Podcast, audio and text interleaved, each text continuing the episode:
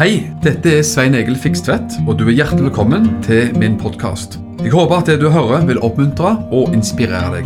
Ønsker du mer informasjon om arbeidet i drivet, så kan du gå til mission-alliance.org.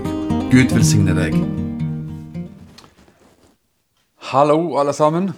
Her er en hilsen fra meg og fra Mission Alliance. Ikke fra et uh, møte, men fra mitt hjemmekontor. Jeg har lyst til å dele et lite budskap som har med påsken å gjøre, faktisk. Og um, nå ved inngangen til påsken så um, er det jo mye man ser fram til. Og påske det feires jo på forskjellig vis også. Eh, noen har et eh, ikke-kristent forhold til påsken. Man ser våren, man ser fjellet, man eh, ser utflukter og har det bare greit på det viset. Men for mange av oss andre så er det noe som i tillegg som betyr enda mer. Og det er jo eh, budskapet som har med påsken å gjøre. Og budskapet, det kristne budskapet som eh, er forbundet med påsken, er et fantastisk budskap som man gjør vel i å eh, gi akt på og ta til seg og gjøre til noe personlig i sitt liv. Påsken den starta for mange år siden. Den hadde sin, første, den, sin oppstart, får man si, i ca. 1400 år før Kristus, når israelsfolket skulle utfris og ledes ut av Egypt. Der hadde israelsfolket vært i 400 år ca. Og nå var tiden for å dra ut fra Egypt til sitt lovede land. Nå var den tiden kommet. Og da, I den forbindelse så er det sånn at Gud han felte en dom, en ganske kraftig dom over, um, over egypterne. Og måten eh, Israelsfolket, som også da bodde i Egypt, skulle unnslippe den dommen, det var ved å eh, slakte et lam. Og så skal de ta blodet fra det lammet og stryke på dør, eh, terskelen og dør, liksom eh, dørstokken og dørramma rundt huset sitt. Og når Guds domsengel gikk forbi, så gikk nettopp engelen forbi de hjem og de hus som det var altså blod strøket utenpå på døra og dørkarmene og sån, sånne ting. Så faktisk, når Guds domsengel gikk forbi på, til husene til israelsfolket, så var det ingen dom som falt over eh, de, de, husene der. Men Guds dom kom faktisk over egypterne ved at alle førstefødte eh, måtte bøte med livet. De ble slått i hjel. Og selve eh, ordet påske, hva betyr nå det? Jo, det betyr noe så enkelt som forbigang. Det betyr å gå forbi, eller forbigang. Og eh, tenk på det. At påske altså betyr forbigang, og hva er det som går forbi? Jo, for oss så er det at Guds dom går forbi oss. Den kommer ikke til oss. Den treffer oss ikke. Guds vrede og Guds dom, men altså den går, for, den går vårt hus forbi, for å si det sånn.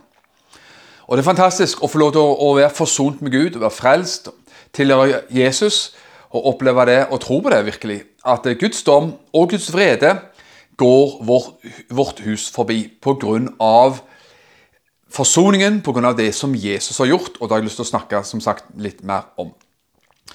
Og Hvis vi da tar et langt steg i tid, fra altså 1400 år før Kristus, når vi da ser hvordan påsken eh, startes opp, og påskehøytiden eh, årlig da var en årlig fortellelse og, og um, høytid for uh, israelsfolket, som det også er i dag, naturligvis, så um, er det sånn at Jesus kom på banen for 2000 år siden, og han kalles for Guds lam. Døperen Johannes, som var en profet, han peker på Jesus i hvert fall et par ganger. Og Så sier han til disiplene sine Se der, sier han. Der er Guds lam, som bærer verdens synd. Det er altså lammet til Gud. Da hadde altså egentlig enhver husstand i Israel fram til den dagen årlig båret fram et lam. Til soning for sin synd, sin families synd. Og man bar fram i påsken et lam som skulle ofres for for, for å gjøre soning for synden sin. Og Da er det jo radikalt og fantastisk når døperen Johannes peker på en person, en mann som heter Jesus, og sier se der, det er Guds lam. Det er lammet til Gud. Det er lammet som Gud har tilveiebrakt og kommet opp med til hele verdens forsoning med Gud. som bærer verdens synd. Det var Jesus, og det er det som gjør at påskebudskapet er fantastisk å se inn i. Et lite ord som eh, Ja, flere ord har jeg lyst til å dele. og jeg har lyst til å være med på liksom en tankerekke rundt det som har med påsken å gjøre, og det som har med Jesu kors å gjøre. Jeg har lyst til å snakke litt om dette med korset, og ikke bare korset isolert sett, men hva korset betyr. Uh, hva skjedde på korset? Han som hang på korset, Jesus selvfølgelig. Hva betyr alt dette for oss i dag? Apostelen Paulus han sa mange fantastiske ting om Jesu kors. I Galatane 6,14 så sier han dette. Men jeg vil aldri rose meg av noe annet enn vår Herre Jesu Kristi kors. Jeg vil aldri, aldri rose meg av noe annet enn vår Herre Jesu Kristi kors. Og Vi har jo alle sammen sett noe så enkelt som et kors. Du ser at mennesker gjerne har et smykke som et kors. Du kan se kors eh, i forbindelse med menigheter og kirker som har korset som et symbol, selvfølgelig. Og um, korset er et velkjent symbol. Og så er det noe rart med dette korset. For det, det, for noen er det jo uttrykk for en personlig tro. Når noen går med et korssmykke, så er det vel ganske sannsynlig at man gjerne har uttrykket på den måten en personlig tro på korset og på Jesus. For andre igjen så er det sånn at dette med korset faktisk provoserer ganske kraftig. Man rett og slett misliker dette korsets symbol. Fordi at det er noe ved det korset og det symbolet som man rett og slett ikke liker. Det har jo gjennom årenes løp også vært eh, liksom, saker på det i forbindelse med mennesker som, eh, som gjerne har, sitter og har en eh, uniform på jobben sin. Jeg husker det var en sak med British Airways for mange år siden. Ei dame som ikke fikk lov til å ha korssmykke i forbindelse med jobben og uniformen sin. For det var liksom ikke bra. Vel, og for andre igjen så er det sånn at eh, dette med korset ikke betyr noe som helst. men har et ikke forhold til det og blåser fullstendig i hva korset måtte bety. Men eh, for oss som tror på Jesus, som tror på Bibelen, så har korset en utrolig eh, betydning. Og med, med, glede kan vi si det som Paulus sa. Jeg roser meg av Kristi kors. Det er vår ros. Det er faktisk vår stolthet. Det vekker beundring og takknemlighet i våre liv. For noen så vekker det avsky og provokasjon. Men for andre av oss så vekker korset nemlig takknemlighet og beundring. Hvis jeg skal ta og gi deg et lite dramatisk eh, eksempel, eh, så skal jeg komme fram til et åndelig poeng i dette. her da. Og skal bruke meg selv som et, et, et eksempel. Hvis jeg selv følte meg syk, følte meg dårlig og ble bekymra for helsa mi, så gikk jeg til legen og, eh, og tok blodprøver og forskjellige undersøkelser og prøver for å finne ut hva som var galt. Så er det sånn at legen da ser at uh, her er det noe, er det noe alvorlig eh, galt. Svein Egil er alvorlig syk. La oss ta et dramatisk eksempel som jeg aldri håper vil skje. At skulle, legen tenk, mistenke at jeg skulle ha kreft, f.eks. Da er jeg glad for hvis jeg hadde en lege som var ærlig og sa vet du hva, vi har undersøkt og gjort eh, prøver osv. Og, og vi mistenker at du har fått kreft. Da ville han gi meg en diagnose. Og jeg er glad for at legen ville gi meg den diagnosen, selv om det var en trist og en skremmende og forferdelig diagnose å få. Og en forferdelig nyhet å få. Men se for deg at legen sier at du er redd for at du har fått eh, kreft. Men, og det var den dårlige nyheten, men det er også en god nyhet. Og det er at vi tror at du skal bli frisk. Vi tror det finnes en god behandling for deg, og det er overveiende sannsynlig at du skal bli frisk. Da fikk jeg jo først en veldig dårlig og skremmende diagnose, som ville gjøre meg eh, ganske eh, shaky.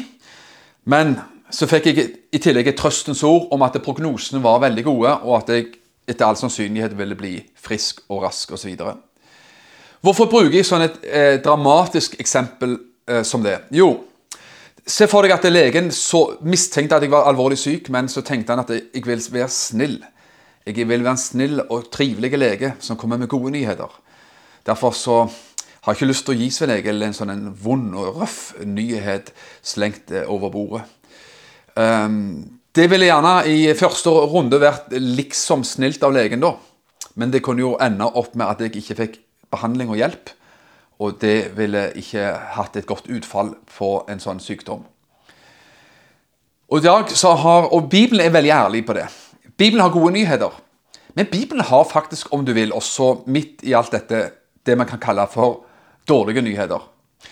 Og på samme måte som en lege gjerne kan gi oss en diagnose, forhåpentligvis med, eh, med en trøstens ord om at eh, det er hjelp å få, så er det jo sånn at eh, Gud også har gitt oss en diagnose i Bibelen som ikke er trivelige og, og koselige, men som likevel er en sann og nødvendig diagnose. Og For å ta den litt enkelt, så er det sånn at Romerbrevet kapittel 3, vers 23 sier følgende Og det er det jeg vil kalle for diagnosen som er gitt oss av Gud, som er gitt til alle mennesker. Romerne 3, 23 sier alle har syndet og har mistet Guds ære. Alle har syndet. Alle mennesker har det. Alle har syndet og har således mista Guds ære. Mista æren, eller mista kontakten, eller eh, liksom favøren fra Gud, om du vil. Fordi at alle mennesker nettopp det er i den bedrøvelige og begredelige tilstand at man har synda. Men det som er så fint, det er jo det at det, Guds, det stopper ikke med en sånn alvorlig diagnose. Der fins håp og hjelp å få, naturligvis. Og nå vet jeg ikke hvordan du og meg definerer oss. Om vi definerer oss som et veldig godt menneske. Hvis jeg spurte deg eller meg, betegner du deg sjøl som et veldig godt menneske, så vil vi gjerne dra på det og tenke at det var der veldig å, ta, ta, å være positiv om seg sjøl. Om han var et veldig godt menneske. Eller hvis jeg spurte deg eller meg om uh, regner, du, deg sjøl som en, et dårlig menneske? Rett og slett et dårlig menneske? En, et, et stygg person og en ond person? så ville man tenke at det var òg veldig overdrevet. Det, vi, vi, vi, vi, våger vel ikke kalle oss for verken ordentlig onde eller ordentlig gode. Og De fleste av oss ville si at vi er vel noe midt imellom. Vi er både gode og onde. Vi har gode og dårlige egenskaper. Vi har sterke og svake sider med våre liv. Og det er jo det som selvfølgelig er sannheten.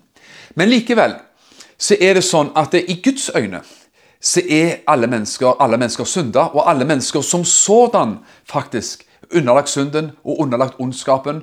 Og er uten Guds inngripen uten Guds nåde, så er man altså rett og slett fortapt. Du skal få litt mer om det.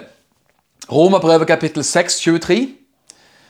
Der står det For syndens lønn er døden, men Guds nådegave er evig liv i Kristus Jesus. Her har du dette som binder på de dårlige nyhetene, diagnosen, og de gode nyhetene fantastisk sammen. Syndens lønn er døden.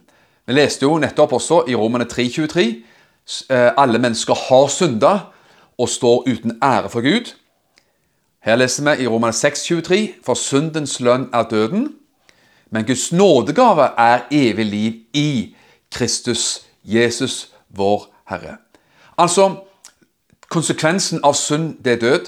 Konsekvensen av synd er evig atskillelse fra Gud. Fortapelse, helvete, evig atskillelse fra Gud. Åndelig død, det kan kalles mange ting, men det er ingen trivelig tilstand å være i. Å dø i sin synd, å dø med sin synd uten å, å ha tatt imot Guds nåde og evig liv, det er ikke trivelig. Hør mer hva Bibelen sier før, og, og ennå så kan du gjerne oppleve det at nå dveler man virkelig ved de harde og dårlige nyhetene, nesten. Og, og um, det som vi kaller for en, en, vond og trist diagnose. Men du, jeg har lyst til du skal se hvordan Bibelen tenker. For hvis du, man ser eh, syndens alvor og Guds vredes alvor, om du vil, så vil man desto, eh, sette desto mer eh, pris på frelsen, korset, nåden det som er påskens fantastiske budskap. Jesus i bergprekenen, Mattes 5, vers 20 eh, der er jo, Vi burde jo lest alt, hele bergprekenen, men det skal vi ikke ta tid til. Men eh, Mattes 5, vers 20 sier For jeg sier dere at hvis deres rettferdighet hvis ikke deres rettferdighet langt overgår de skriftlærde og fariserenes rettferdighet, skal dere aldri komme inn i himlenes rike, sa Jesus. Altså, Jesus krevde et høyt nivå av rettferdighet.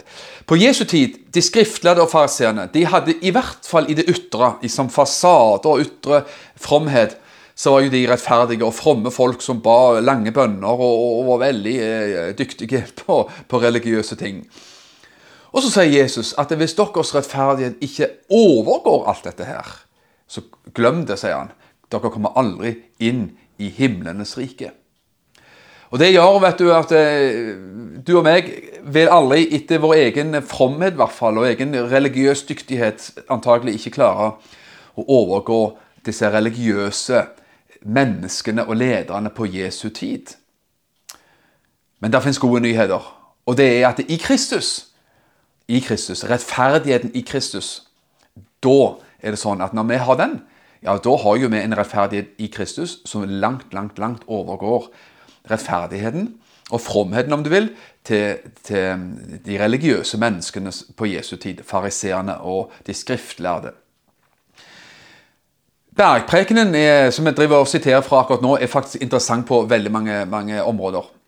Fordi at Jesus forklarer noen ting som er så viktig å forstå. for Hvis vi skal forstå dette som har med korset og korsets, korsets budskap og påskens budskap. Jeg leser litt videre. Mattes, eh, vi har jo nettopp lest i vers 20, altså Mattes 5, 20. Jeg har lyst til å lese videre i, fra vers 21 til 22. Altså Mattes 5, vers 21 til 22. Dere har, hørt det sagt til de gamle, sa Jesus. Du skal ikke slå i hjel. Og den som slår i hjel, skal bli skyldig for dommen. Det er jo ganske logisk. at Slår man i hjel, så er man skyldig. Men så, så, er det utrolig med Jesus, for han, han la lista så mye mye høyere enn akkurat det der. Og Det første vi leste nå, det, vår rettferdighetssans sier ja og ammen til det. Har noen drept noen, har noen slått noen i hjel, så er man skyldig for dommen, og man skal stå skal ta sin dom og ta sin straff og konsekvens ut av det. Men så sier Jesus noe videre her, vers 22. Men jeg sier dere, sier Jesus, at den som blir vred på sin bror, altså blir sint på sin bror uten grunn, han blir skyldig for dommen. Også han er skyldig. Altså, om du bare blir vred, så blir du skyldig. Og da er mitt spørsmål til deg og meg har du og meg noen gang blitt sur og sint på noen. Med eller uten grunn. Det har vi garantert blitt mange ganger. Jesus snakker videre her og sier at den som sier til sin bror 'din dåre', eller 'din torsk', betyr det. Altså Den som sier til sin neste 'din, din dåre', det er det samme som 'din idiot', eller 'din tosk', eller 'din dust'. Du kan kalle det hva du vil. Han skal bli skyldig til helvetes ild. Er det mulig? Ja, Jesus sa det. At om du bare kaller noen for en idiot, så er du egentlig skyldig til fortapelse. Du er skyldig til helvetes ild. Og Jesus han, han, gnir det inn på veldig mange måter her, og vi skal ikke ta alle eksemplene til Jesus.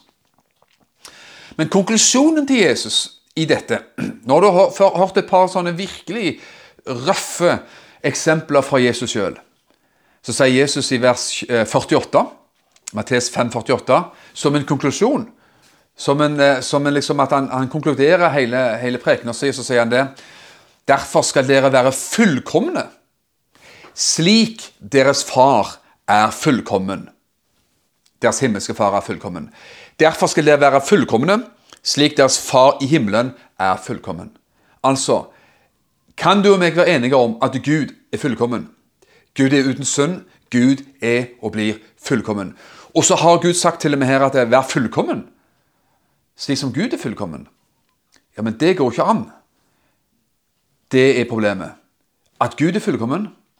Og fordi Gud er fullkommen, så krever Gud fullkommenhet.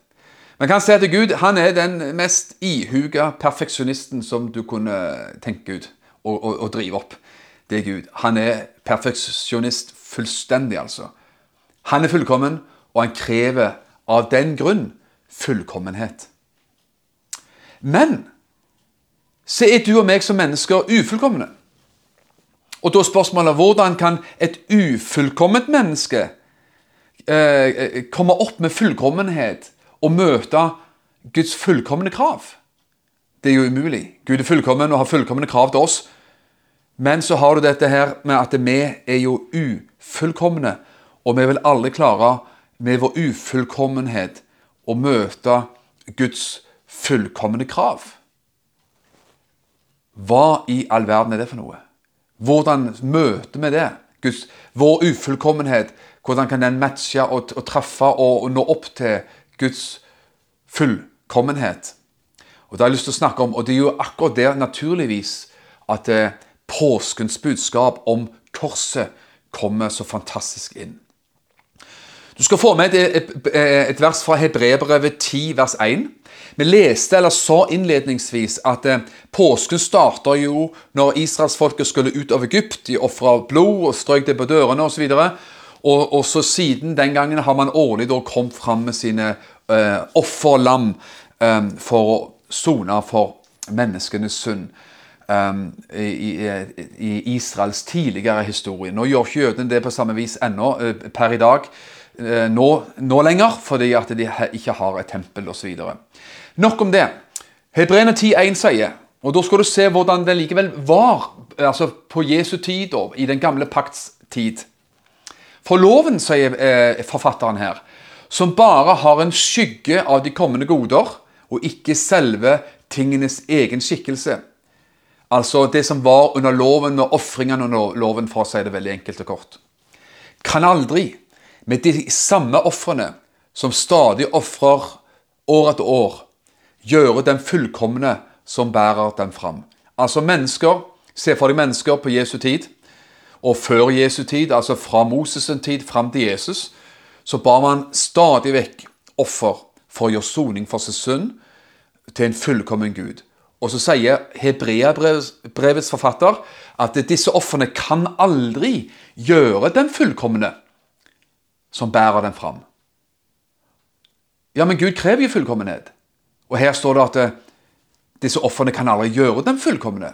Kan du se her, her har vi en problem. Gud krever fullkommenhet, men eh, mennesket, det ufullkomne mennesket kan aldri komme fram med et fullkomment offer til Gud som gjør at man skulle bli fullkomment frelst. Og Som du skjønner, så snakker jeg veldig mye om ordet 'fullkommen' akkurat nå. Gud er fullkommen. Du og meg er ikke fullkomne.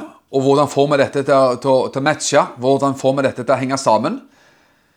Jo, som vi lest, at de offrene, all den ofringen som skjedde med, med, lam, den kunne aldri eh, gjøre menneskene fullkomne, eller frelse dem fullkomment. Men da er det sånn at det påskens budskap er jo et, et gledesbudskap og virkelig er gode nyheter. Evangeliet om Jesus er fantastiske nyheter. Og Da står det i Hebreane 7,25 Hebreabrevet 7,25 Derfor har han også makt til fullkomment å frelse dem som kommer til Gud ved ham, ettersom han alltid lever og går i forbønn for oss. Her står det at han, altså Gud, har makt til fullkomment å frelse dem som kommer til Gud ved ham. Altså, Gud er fullkommen av fullkomne krav. Du og meg er ufullkomne og kan i oss sjøl alle komme fram med noe ting som er fullkomment, og som skulle treffe Guds krav. Men Gud har makt til fullkomment å frelse dem som kommer til Gud ved ham. Og venner, det er der budskapet om Jesu Kristi kors, forsoningen, kommer inn på et fantastisk vis. Hva var det som skjedde? Jeg har allerede nevnt noe av det, og vi skal si litt mer om det. Når Jesus vandret på denne jorda før han gikk til korset Jesus vandret rundt omkring. Han eh, plukket ut tolv disipler. Han helbredet masse syke mennesker. Han gjorde brødunder, gikk på vannet, og han tilga mennesker synden deres. Og eh, liksom midt i alt dette her sånn, så var det jo nettopp denne profeten, døperen Johannes, som et par ganger peker på denne Jesus. Og så sier han, se der, sier han, der er Guds lam. Der er Guds lam som bærer bort verdens synd. Altså Jesus. Han ble altså dette fullkomne lammet som tok verdens synd på seg sjøl. Alle av oss har hørt ordet syndebukk. Hva er syndebukk for noe? Jo, det er at hvis man sjøl har gjort noe galt, så er det jo befriende herlig å skylde på noen andre. Man gjorde noe galt sjøl, og så la man skylden på noen andre. Og da har jo den personen blitt en syndebukk. For å bruke det som et bilde Jesus på korset, han ble verdens syndebukk. Han tok din og min synd og verdens synd. Gud la din og min og verdens synd på han for at du og meg kunne bli fullkomment frelst, og på den måten få møte og matche Guds fullkomne krav. Og det er fantastisk at Jesus nettopp gjorde det på korset. Jeg har lyst til å spørre hvordan stiller du og meg oss til nettopp det som har med Jesu kors og forsoningen å gjøre? Vi leste innledningsvis Pauls ord fra Galaterbrevet. Jeg vil ikke rose meg av noe annet enn Jesu Kristi kors. Jeg håper det at du som hører på meg, du skal Det med korset det er noe du roser deg av. Det er stoltheten. Det er noe du er fantastisk takknemlig for.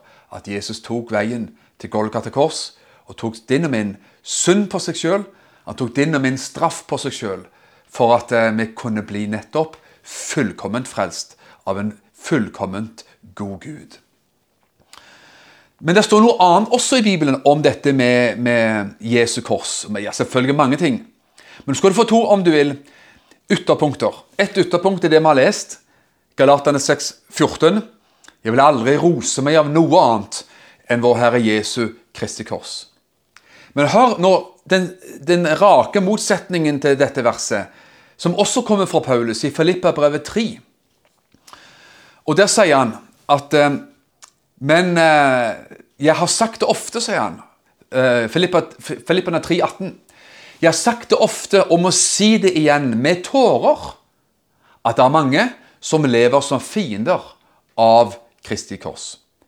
Kan du se ytterpunktene? Å rose seg av Kristi kors, det er vår trøst, vår ros, og vår glede. Og mennesker som Paulus snakker om, som vandrer og lever som fiender av Kristi kors. Hva vil det si å være en fiende av Kristi kors? Jo, det er vel at, det, det er at, det, at det mennesker som da avviser altså har med Jesu kors å gjøre, avviser påskens budskap, om du vil. Mennesker som fnyser av det, avviser det, jeg vil ikke ha med det å gjøre, jeg tror ikke på det, og man bare eh, tråkker det ned. Avviser det, latterliggjør det, eller noe annet. Altså man bare fullstendig blåser i det. Da er man jo en fiende av Kristi kors, vil jeg si. Men også, la meg utdype det og si at det, å være en fiende av Kristi kors kan også være alt som lanseres som alternative veier til frelse. Altså, en fiende, Er man en fiende av Kristi kors, så er det også de som lanserer, eller alle de ting som lanseres som alternative frelsesveier. Hva er det for mennesker? Ja, Det kan være eh, alt etter hvilke himmelstrøk man er under. I noen tilfeller kan det være penger og avlat. At man tror at penger kan være en erstatning for Jesu verk på korset. Vi kan kjøpe oss i frelse, kanskje, eller penger og materialismen erstatter behovet for Gud. I noen andre kulturer som jeg har vært og besøkt og vært og prekt evangeliet det, rundt omkring, det er at det der tror man på ofring av dyr. Man ofrer dyr, og man ofrer av og til andre ting. Mennesker ofrer litt av hvert, skal jeg si deg. Fordi man tror at vi skal få gunst hos Gud og tilgivelse hvis man bare ofrer noe. Ofrer dyreblod, f.eks. Eller en andre ting som er fiende av Kristi kors, det er hvis vi tror at våre egne gode gjerninger, våre egne gjerninger og egen rettferdighet er nok for å frelse oss. At jeg tenker jeg gjør så godt jeg kan. Jeg gjør så godt jeg kan, og så får det holde. Da får vår Herre sannelig være fornøyd med meg. Det handler jo ikke om det. At jeg skal gjøre så godt jeg kan, og så får vår Herre være fornøyd med meg. Det handler om noe helt annet. For Gud vil aldri være fornøyd med deg og meg uten Jesu kors. Så det kan man bare glemme med en gang. Gud er fornøyd med én ting. Er, Gud er fornøyd med verket på korset. Og at vi deretter tror på det, anerkjenner det, tar imot det, og lar det være plattformen og forankringen man har i livet vårt. Vil du rose deg av Kristi kors, eller vil du være en fiende av Kristi kors? Valget er ditt og mitt naturligvis. Mot slutten her så har jeg lyst til å bare nevne eh, Midt i selve påskefortellingen i Bibelen, Lukasevangeliet, Lukas 22, eh, ikke 22, Lukas 23 er det, fra vers 32. Så er vi midt i det når Jesus henger på et kors. Og vi har jo allerede sagt, og vi kan lese så mye om det i Bibelen, han tok verdens synd. Han tok vår synd, straffforbannelse på seg sjøl. Og kjøpte frelse til alle mennesker som vil ha det og ta imot det. Og så vet vi at der hang Jesus på det midterste korset. Men så var det altså to andre kors også den dagen.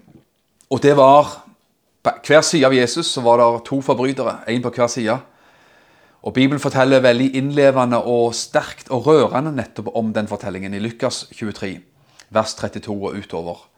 Der disse to forbryterne henger og, og, og ha dialog med, litt med hverandre og litt med Jesus. Og det står der bl.a. at en av forbryterne som hang der, spottet Jesus og sa hvis du er Kristus, så frels deg selv og oss. Altså Den ene forbryteren han var forbryter. Han, han var en kriminell som tydeligvis eh, måtte sone der og da sin dødsstraff. Så han har gjort ganske mye ille for å få en sånn en, eh, straff. Han hang der og hadde få minutter igjen av sitt liv. Og hva gjør han? Jo, han spotter Jesus og sier, 'Hvis du er Kristus, så frels deg selv og oss', han. Det var åpenbart at det var liksom en spottende måte og en hånlig måte å, å, nærme seg dette med Jesus på. Så sier vers 40 den andre, altså den andre forbryteren tok det motmæle.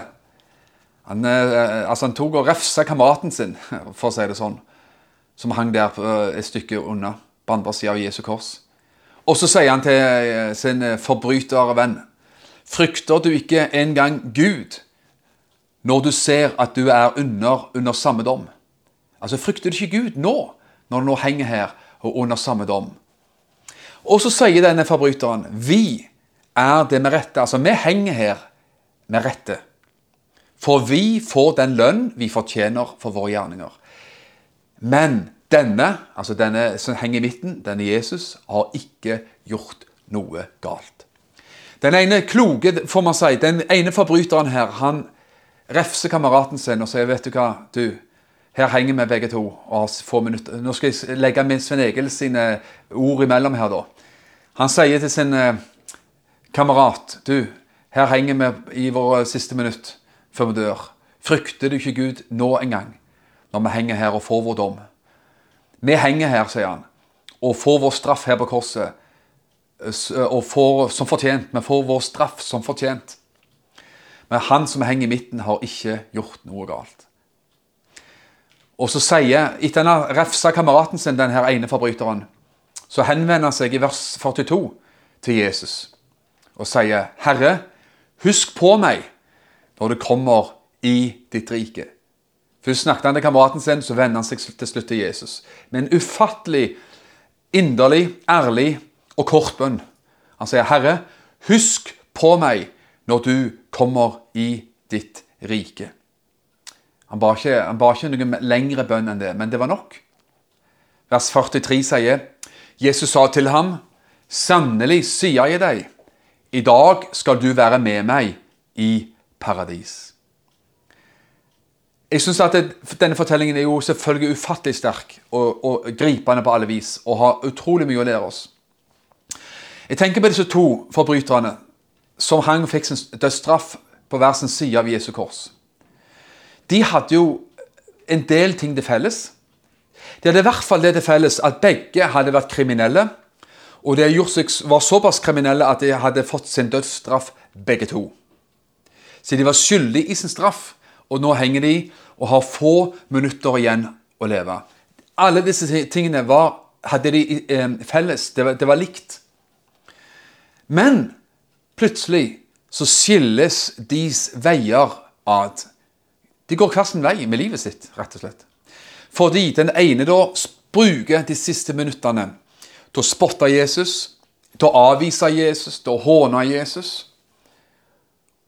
Og den andre gjør det stikk motsatte. Han anerkjenner Jesus. Han, han eh, sier vi henger her med rette, vi fortjener vår straff. Men så gjør han noe som er enda viktigere. Han sier, 'Herre, husk på meg når du kommer i ditt rike. Og Jesus sier jo, 'Sannelig sier jeg deg, I dag skal du være med meg i paradis. Jesu respons var jo fantastisk. Denne ene røveren han ba om en tanke. Han sa 'husk på meg' når du kommer i ditt rike. Jesus sa 'du skal få lov til å være med meg i paradis'. Han ba om en tanke, men fikk et paradis. Men disse to røverne de hadde en del ting eh, felles, men deres vei skiltes ad. Den ene forakta Jesu kors. Den ene, den ene forakta og forkasta han som hang i midten. Den andre røveren tok imot og anerkjente han som hang i midten. Man kan si det sånn den ene var en fiende og døde som en fiende av Kristi kors. Den andre døde som en som rosa seg av Kristi kors, som tok imot Kristi kors og tok imot det som Jesus da gjorde på dette korset. Og eh, jeg tenker jo at eh, menneskeheten i dag er jo egentlig Jeg syns at disse to røverne de, de eh, representerer menneskeheten. Vi kan jo ofte si at menneskeheten de er vel inndelt i rike og fattige. Eller de er inndelt i kvinner og menn. Svarte og hvite, eller mennesker som altså Man kan inndele men, menneskeheten i, i, to på forskjellige måter. Menn, kvinner, unge og eldre, rike, fattige, hva som helst. Men vet du hva? Man kan også dele menneskeheten inn eh, med disse to menneskene, disse to røverne her. Enten de som da tar imot og tror og anerkjenner Jesu Kristi kors, og de som avviser Jesu Kristi kors. Menneskeheten er også inndelt i disse to gruppene.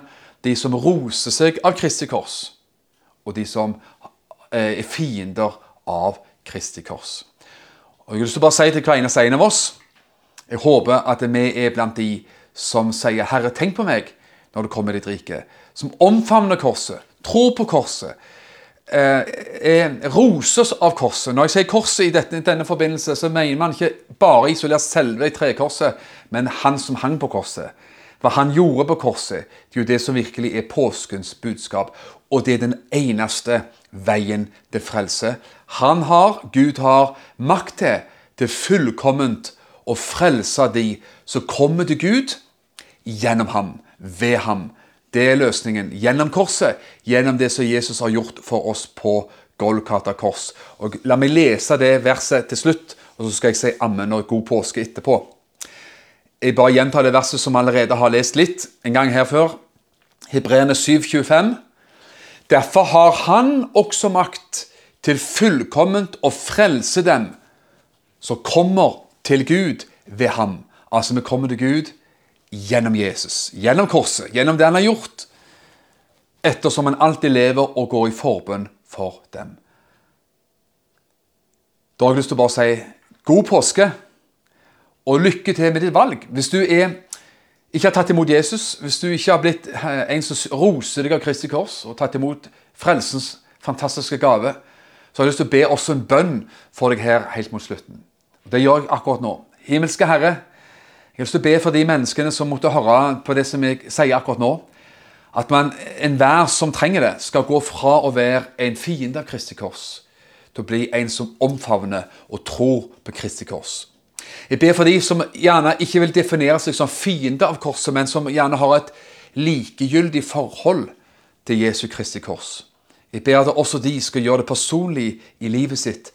At de tror på det, de, ja, de omfavner det. De, de vil ha dette, og de kan tro på at man kan komme til deg, Herre, få tilgivelse for sin synd og motta deg som sin Herre og Frelser. Takk for det, Jesus. Og Herre, jeg bare ber for dem at de skal si i sitt hjerte Herre, jeg kommer til deg akkurat nå. Jeg tror på det du gjorde på korset. Tilgi meg min synd. Jeg tar imot deg som min Herre og min Frelser, kjære Jesus. Og jeg vil tilhøre deg for alltid. Takk skal du ha, Jesus. Og Herre, hvis noen har bedt denne bønnen, Herre, så vet jeg at du tar imot. Du står med åpne armer, og du sier til enhver Du skal få lov til å være med meg til paradis. Vi skal ses igjen. Jeg takker deg for det i Herren Jesu navn. Og Jeg har lyst til å be Herre at de som også hører meg nå, skal ha en velsigna god påske i Herren Jesu Kristi navn. Amen.